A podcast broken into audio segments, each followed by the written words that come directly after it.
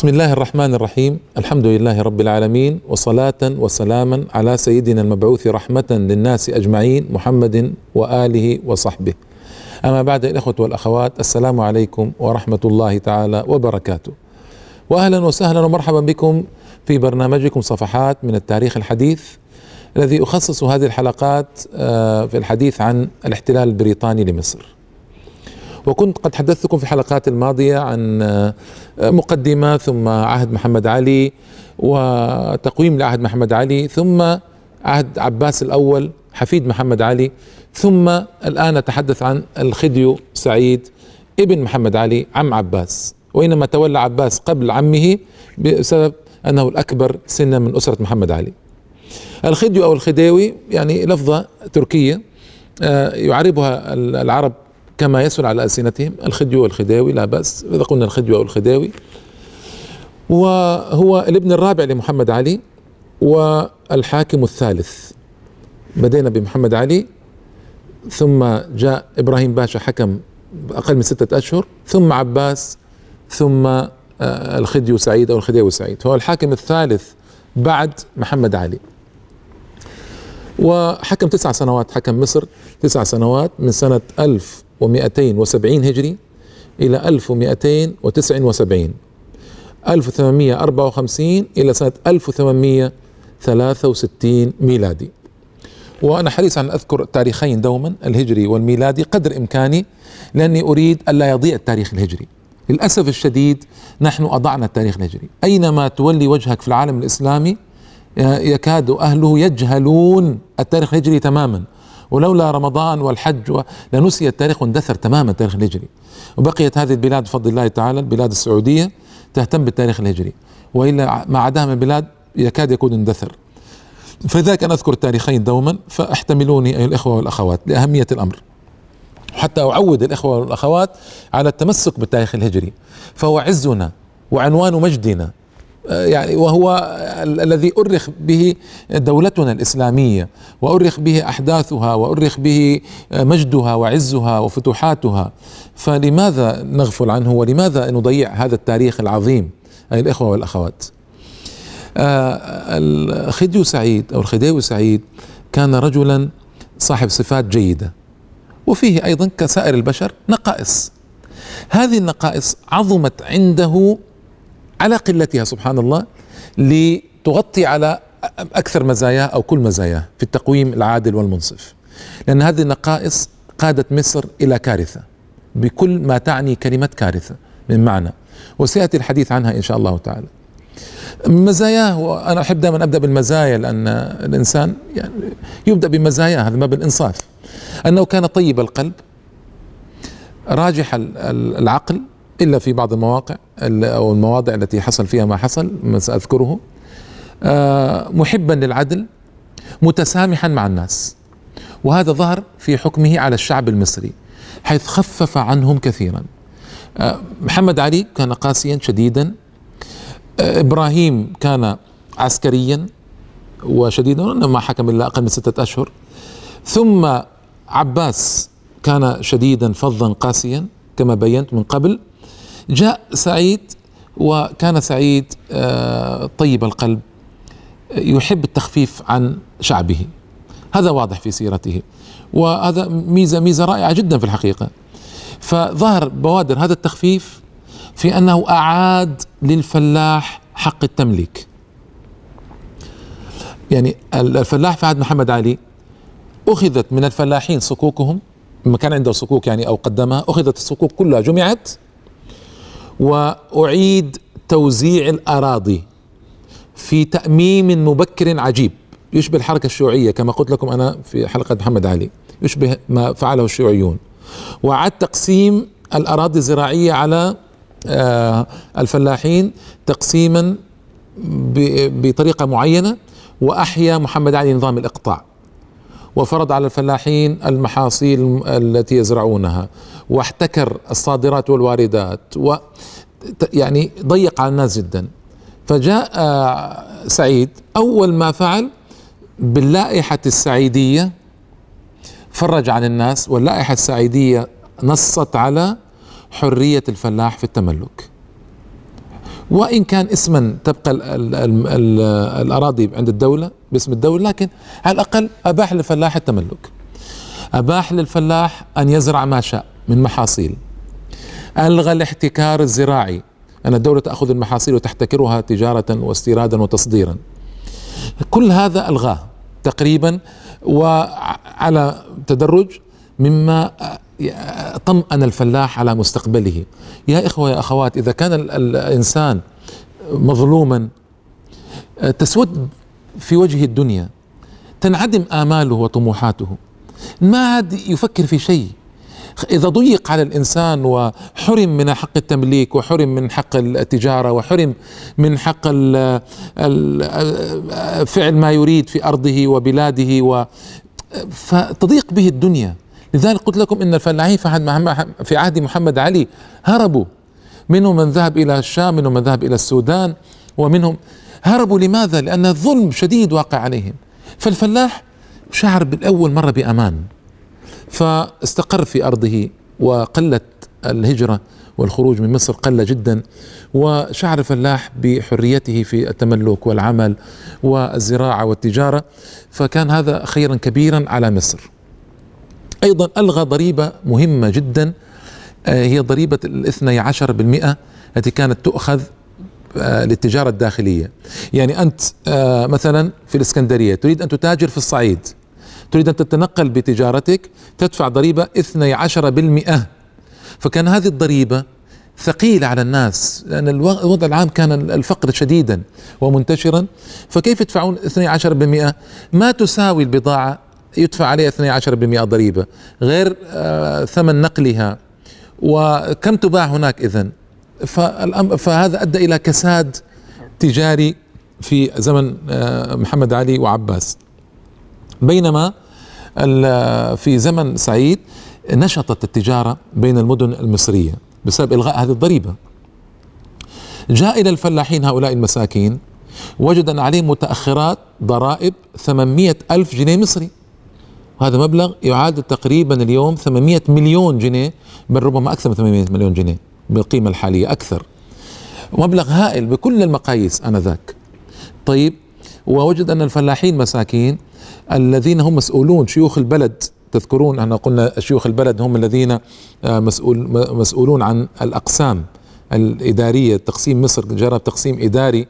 قسمت إلى سبع مديريات وكل مديرية فيها مراكز وعدد الأقسام 64 64 قسما تحت هذه المديريات والمراكز. على كل قسم آه، آه، آه، مأمور يدير نجوع وكفور وقرى. يعني كل قرية فيها شيخ بلد مسؤول عن الجباية والتجنيد فشيوخ البلد كانوا بمساعدة الجند يضربون الأهالي ويصادرونهم ويتعبونهم من أجل الأموال جباية الأموال.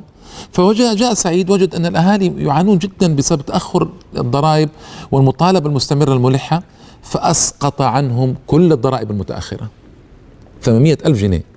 طيب وضرائب السنة ماذا يفعلون بها؟ وما عندهم أموال مساكين آه، سامحهم في تسديدها بالتدرج بصورة تنم فعلا عن إنسانية وعن شعور بالفلاح واهتمام بشأنه. وهذه نقطة تحسب لسعيد ولا شك ولا ريب. أيضا من أعماله المتميزة تنظيف ترعة المحمودية. أنا قلت لكم في زمن محمد علي أنه شق ترعة المحمودية وكانت تصل بين رشيد آه، النيل آه، في رشيد وبين الإسكندرية وإسكندرية ثغر البلد وميناؤها الأول فكانت تأتي البضائع يعني على حمير وبغال تنقل على الحمير والبغال إلى النيل آه، من الإسكندرية وكان يعني وضعا صعبا. فشق ترعة المحمودية واشتغل عشرة أشهر بمئتي ألف عامل وشقوا الترعة. والعام المصري مشهود له بالنشاط والقوة والدأب فاستطاعوا أن يشقوا ترعة المحمودية وكان حدثا كبيرا ودر على مصر ثروة وثروة كبيرة آنذاك. منذ عهد منذ شق الترعة إلى زمان سعيد كان قرابة نصف قرن تقريبا ما نظفت الترعة؟ والنيل طبعا فيه طمي كما تعلمون والطمي هذا آه، يكاد يسد الترعة. صار يعني ارتفع إلى درجة صار صارت الاستفادة من الترعة مشكوكا فيها بهذه الطريقة. كان لابد أن تنظف. فاشتغل في تنظيف هذه وخمسة عشر ألف عامل وانتهوا في 22 يوما من تنظيف الترعة ونقل ثلاثة ملايين متر مكعب من الطمي من الترعة. رأيتم العامل المصري كيف يشتغل؟ لذلك سال لعاب الفرنسيين لما رأى ديريسبس العامل المصري وهو ينظف الترعة المحمودية وطمع بشق قناة السويس بعد ذلك وسأتحدث عن هذه القضية. العامل المصري الذي يستطيع أن ينقل ثلاثة ملايين متر مكعب في 22 يوما 115 ألف عامل.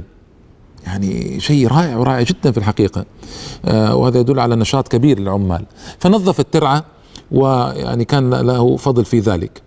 أيضا أنشأ خط التلغراف الحديث لأن على النظام الحديث لأن التلغراف الذي أنشئ في زمن محمد علي آه، أسلاك التلغراف كانت على الزمن القديم يعني بدايات التلغراف لكن هو أنشأ الخط الجديد. وهذه أيضا تحسب من مزاياه. آه، وأيضا من مزاياه أنه أنشأ آه، أكمل إنشاء السكة الحديد لأن بدأت في زمن عباس. السكة الحديد الإنجليزية. فأوصلها إلى القاهرة. كان قد كان قد أنشئ منها جزء كبير من الإسكندرية ليواصل إلى القاهرة. هو أوصلها إلى القاهرة في عهده ومدها إلى السويس. فكانت فرجا للحجاج ولنقل آه، بضائع وبل فرج للدنيا كلها التي كانت تنقل بضائع من أوروبا إلى الهند وجنوب شرق آسيا والعكس. فكان ذلك عملا رائعا ورائعا جدا. أنشأ أيضا شركة نيلية لنقل البواخر وهذه بعضهم يعدها من مزايا وبعضهم يعدها من نقائصه. وسآتي في الحديث عنها إن شاء الله تعالى فيما بعد بإذن الله آه، تعالى. وأحدثكم بعد الفاصل إن شاء الله تعالى عن آه، أكمل مزايا سعيد وأدخل في شيء من نقائص عهده حتى تتضح الصورة بإذن الله. فكونوا معنا يا الإخوة والأخوات. السلام عليكم مرة أخرى أيها الأخوة والأخوات. آه، كنت قد أخذت في بداية الحلقة بذكر سعيد وعهده ومزاياه وأكمل هذه المزايا. في الحقيقة أن كان يحب العفو ويميل إليه. لما استلم الحكم عفى عن جميع خصومه. وكانت القوة المطلقة بيده وكان الحكم استبداديا آنذاك. لكن مع ذلك عفى عن جميع خصومه رحمه الله تعالى وهذا العفو ميزة رائعة جدا في الحكام. إذا كان الحاكم يميل إلى العفو ويحبه ويؤثره اطمأنت الرعية. وبشرط ألا يكون هذا العفو يؤدي إلى التساهل في تطبيق الأحكام وكذا فيحصل الفوضى من جانب آخر طبعا. وهذا أمر معلوم.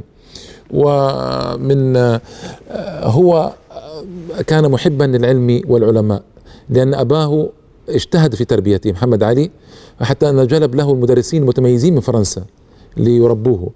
سلفه عباس ما كان يحب العلم وكان اميا وما ما تعلم لكن هو تعلم وأقبل على العلم والتعليم وأحب آه، سعيد أحب العلم وأحب العلماء. يبدو أن هذا من أثر آه، المدرسين الذين كانوا يدرسونه ويهتمون به.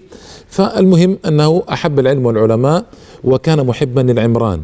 فأنشأ يعني عمارة جيدة في مصر وهذه أيضا تحسب له في ضمن ما يحسب له من مزايا. وقلت لكم أن الرجل في الحقيقة مزايا جليلة.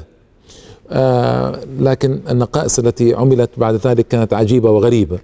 أنشأ دواوين. للداخلية والمالية والجهادية. يعني ديوان صار نظارة بعد ذلك ونظارة انقلبت إلى وزارة في عهد آه، توفيق. لكن مهم انت بدأت باسم دواوين للداخلية والخارجية والجهادية. والجهادية يعني الحربية وزارة الحربية بعد ذلك. تسمى الجهادية لأن واسم رائع وجيد ومعبر في الحقيقة أكثر من وزارة الحربيه الحرب الحرب هي عدوان لكن الجهاد هو رسالة سامية وعظيمة. آه، أيضا وضع خريطة مفصلة لمصر للقطر المصري كله. وعندما أقول مصر يعني مصر والسودان آه، كان دولة واحدة. مصر والسودان حتة واحدة كما يقول الإخوان السودانيون والمصريون. فوضع خريطة مفصلة للقطر المصري آه، طلب من المهندسين وضعها وضعوها وكانت خريطة متميزة أول خريطة منضبطة للقطر المصري بشكل جيد. واظنها اليوم موجودة في ديوان الحكومة في مصر خريطة ممتازة هكذا. أظن هي خريطة الخديو سعيد فيما أذكر والله أعلم. آه آه، آه، هذه المزايا الكثيرة آه، في الحقيقة شابها شوائب ونقائص. الرجل ربي تربية أوروبية ليس مثل عباس. عباس كان يزدري الأوروبيين في الجملة ما يحب بقاء الفرنسيين في مصر ما يريدهم ضيق عليهم جدا سحب المناصب الكبيرة منهم بينما العكس جرى في زمن الخديو سعيد فإنه شجع الفرنسيين وربما كان أثر مدرسيه عليه لأن المدرسين كانوا فرنسيين. مدرسيه لأن مدرسيه كانوا فرنسيين فأثروا فيه ربما هذا التأثير البالغ. من التأثير العجيب أن نابليون الثالث نابليون الثالث إمبراطور فرنسا آه، دخل في حرب مع المكسيك قبل وفاة سعيد بسنة. قبل وفاة سعيد يعني سنة 1278 هجرية 1862 للميلاد.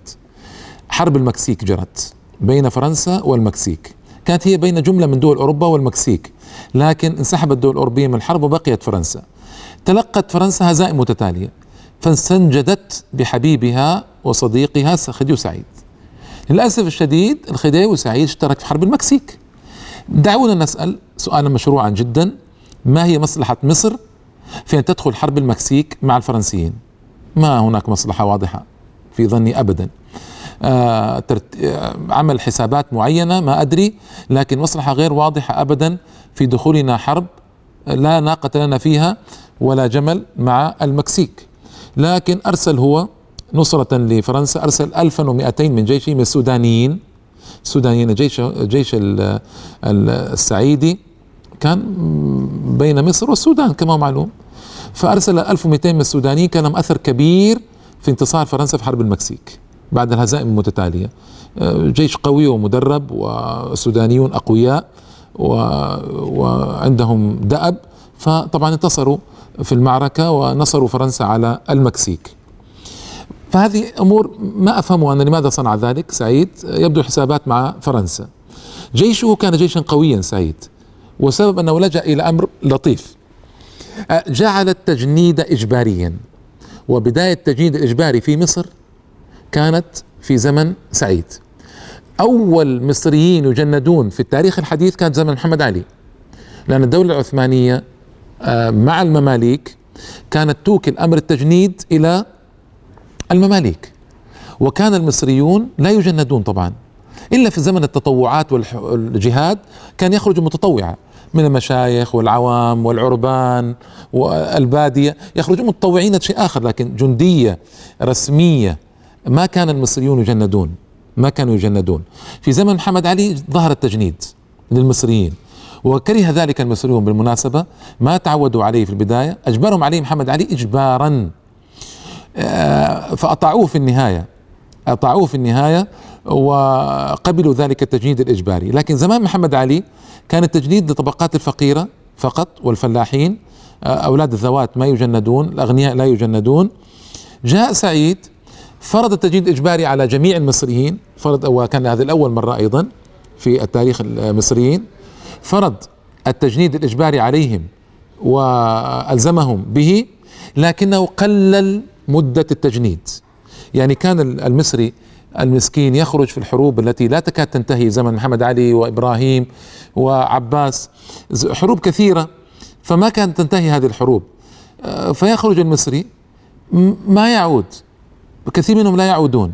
وبعض الذي يعود يعود بعد مضي سنوات طويلة بعيدا عن أهله وأولاده و فالحياة ضاقت بالناس. فقلل مده التجنيد الإجباري. قللها وقلل مدة التجنيد وجعله اجباريا على طبقات الشعب كلها. فعمل عملا جميلا في الحقيقة وجيدا في آه، أن يعود الجندي المسكين بعد مدة آه، نسبيا مدة قصيرة يعود إلى أهله وأولاده ويخرج جند آخر وطريقة في الحقيقة طريقة محكمة وجيدة من الخديو سعيد. وأنا يعني في الحقيقة أعجبت بهذه الطريقة لأن فيها إنقاذا للناس وفيها آه، راحة لهم. وأي عمل يريح الناس تحقيقا حديث رسول الله صلى الله عليه وسلم يعني اللهم من ولي من أمر أمتي شيئا فرفق بهم فارفق به. ومن ولي من أمر أمتي شيئا فشق عليه فاشقق عليه. نسأل الله العافية والسلامة. من الحكام الذين يشقون على شعوبهم ويضايقونهم ويظلمونهم وانظر إلى الحاكم إذا رفق بشعبه اللهم من ولي من أمر أمتي شيئا فرفق بهم فارفق به. دعوة مصطفوية دعوة نبوية وهي دعوة آه، مجابة إن شاء الله تبارك وتعالى. آه، أيضا وعمل شركة في النيل إنجليزية. هذه الشركة أنا ذكرتها ذكرتها في مزاياه في قبل الفاصل لكن هل هي فعلا آه، مزاياها خالصة؟ هذه الشركة ألفت وكان على راسها رجل مصري لكن لا حول له ولا طول. وكانت شركة إنجليزية في الجملة وهي من جملة المزايا التي منحت للانجليز في مصر. شركة للنقل النيلي آه، للبضائع والمسافرين بين مصر والسودان وبين مصر وبلاد مصر نفسها وبين بلاد السودان. لكن مشكلة أعطى الامتياز للإنجليز. لمدة 15 عاما بشروط مجحفة أعطاه أعطاها الإنجليز وكان يمكن أن يقوم بها هو بنفسه. كانت ممكن تقوم بها الدولة المصرية. لكن مشكلة سعيد كما يقول الرافعي المؤرخ المصري المشهور عبد الرحمن الرافعي مؤرخ وطني هو ليس مؤرخا اسلاميا النظرة الاسلامية ما كانت واضحة فيه لكن مؤرخ وطني جيد في الحقيقة آه وملم ورجل عنده نظرات صائبة. يقول عبد الرحمن الرافعي كان في سعيد آه أمران خطيران وخطيران جدا. آه كثرة تردده وضعف حزمه وثباته والأمر الآخر ميله الشديد إلى الأوروبيين وثقته بهم ثقة مطلقة. وهذا أدى به إلى أن يعمل هذه الأعمال. فعمل هذا الشيء الذي هو ما كان داعي أن يعمله أعطاهم شركة ترخيص نيلية وذهبت أرباحها لجيوب الإنجليز تقريبا. الأمر غير المفهوم وفتح باب باب شؤم على على المصريين وعلى العالم الإسلامي كله القروض التي بدأ سعيد في استدانتها من آه، بريطانيا من فرنسا وبريطانيا ومن الدول الأوروبية بدون سبب ظاهر وقوي يدعو إلى ذلك. وهذا في الحقيقة جر علينا وبالا وبالا عظيما. هذه القروض ما هو المبرر لها؟ يقول بعض المؤرخين أن جيشه زاد فاضطر إلى أن يستدين لينفق على جيشه. ما ما هناك اضطرار. كان ممكن أن ينقص من عدد جيشه وخاصة الوقت كان وقت أمن وسلم ليس هناك داع للدخول في حروب. كان ممكن ينقص عدد جيشه ويكفينا الهم الهم الكبير في الحقيقة بما جرى بعد ذلك في مصر من آه رهن مصر كلها ومقدراتها وثرواتها لتسديد ديون التي تسبب به بها هو ومن بعده جاء خلفه خلفه إسماعيل آه، واقترض أكثر. آه، يقول آه، يعني أنا أريد أن أذكر شيئا مهما هنا في مسألة القروض. أن الأوروبيين أنفسهم يقول مؤلف تاريخ مصر المالي ورجل أوروبي معتدل في تأليفه إلى سعيد باشا يرجع يرجع الفضل التعس ولا أدري كيف فضله تعس في عقد أول قرض اقترضته مصر من أوروبا. وقال في معرض المقارنة بين محمد علي وإبراهيم وسعيد يعني لقد استطاع محمد علي وابنه الأكبر إبراهيم أن ينهضا بالبلاد ويجاهدا في سبيل استقلالها. ذلك الجهاد الذي كلل بالنصر دون أن يكون لديهما من الموارد المالية سوى ميزانية لا تتجاوز خمسين مليون فرنك. يعني ميزانية قليلة. ذلك ما يقوله خبير أوروبي. لكن سعيد للأسف الشديد عقد أول قرض آه، من بنك في لندن ومقداره يا إخوة ويا أخوات مقداره تصوروا 2 مليون جنيه و4 من عشرة يعني 2 مليون 400 ألف جنيه فقط. لكن كم فوائده التي ينبغي أن يسددها سبعة مليون وتسعمائة ألف جنيه مصري. يعني القرض تقريبا اثنين ونصف مليون جنيه والذي سيسدده ثمانية ملايين من الجنيهات. فانظروا إلى هذه هذا القهر الذي يعني الذي نشعر به أزاء هذا الربا الفاحش جدا تسديد هذا القرض. فكان هذا فتح باب شر على مصر كما سيأتي تفصيله إن شاء الله تعالى بعد ذلك في زمن إسماعيل. وترك دينا عاما عند وفاته سعيد يقدر بأحد عشر مليون و 160 ألف جنيه مصري وهو قرض وهو دين هائل كلفت به الدولة المصرية وطوقته بدون أي داعي. ولم يكن له مبرر واضح ابدا وللأسف الشديد جر علينا بلاوي. وأيضا الخطأ الأكبر في حياة سعيد أنه وافق على فتح قناة السويس شق قناة السويس.